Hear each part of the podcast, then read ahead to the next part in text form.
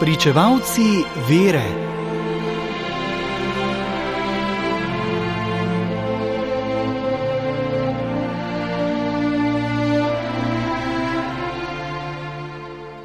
Danes zgoduje sveta Matilda iz Hakeborna. Današnja svetnica, živela je v 13. stoletju, je bila globoka mistična duša, ki je čutila navzočnost Jezusa kot ženina.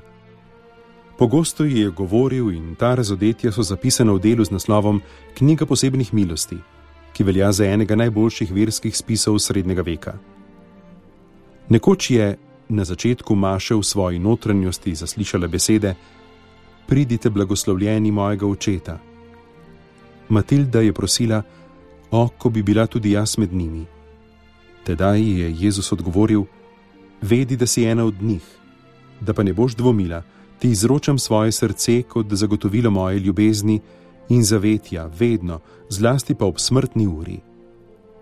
Poslej je goreče častila Jezusovo srce. Njena življenjska pot malce spominja na sveto Terezijo deteta Jezusa. V rosni mladosti je zahrepenela po samostanskem življenju in zelo zgodaj je dejansko postala redovnica. Matilda, nemško Mehtild, se je rodila leta 1241 v plemiški rodbini Hakeborn na Saškem, večji del svojega življenja pa prebila v samostanu cistercijank v Helfti. Zato jo pogosto imenujejo Matilda iz Helfte. Ko je bilo sedem let, je šla s svojimi starši obiskat svojo devet let starejšo sestro Gertrudo Jedrt v samostan Rodersdorf. Življenje pobožnih redovnic je deklico tako prevzelo, da bi najraje zavedno ostalo v samostanu. Na njene vnovične prošnje so starši svojo Matildo zaupali varstvu starejše hčerke Gertrude, ki je kmalo postala opatinja, predstojnica samostana.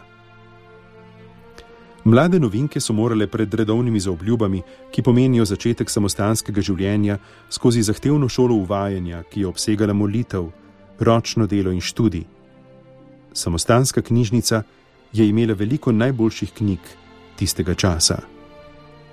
Opatinja je govorila: Če preneha v samostanu zanimanje za sveto znanost in tako izgine razumevanje svetega pisma, bo kmalo izginil iz samostana tudi redovni duh. Vse te preizkušnje je morala prestati tudi Matilda, sestra opatinje, ki je bila vzorna novinka ko so se nune zaradi pomankanja vode leta 1258 preselile v samostan Helfta, je 17-letna Matilda šla z njimi in izrekla redovne zaobljube. Milost in modrost svetovanja si je Matilda prislužila s pokoro, ki si jo je sama nalagala.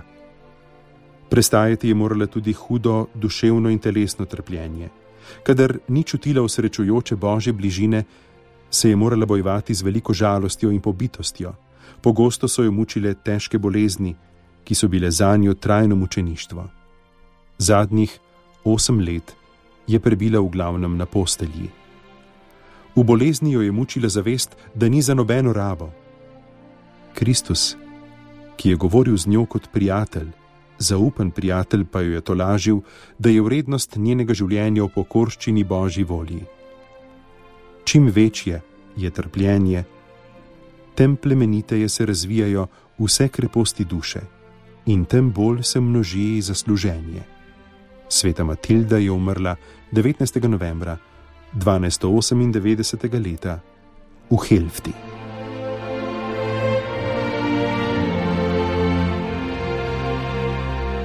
Brali smo iz knjige Svetnik za vsak dan, ki jo je napisal Silvestr Čuk.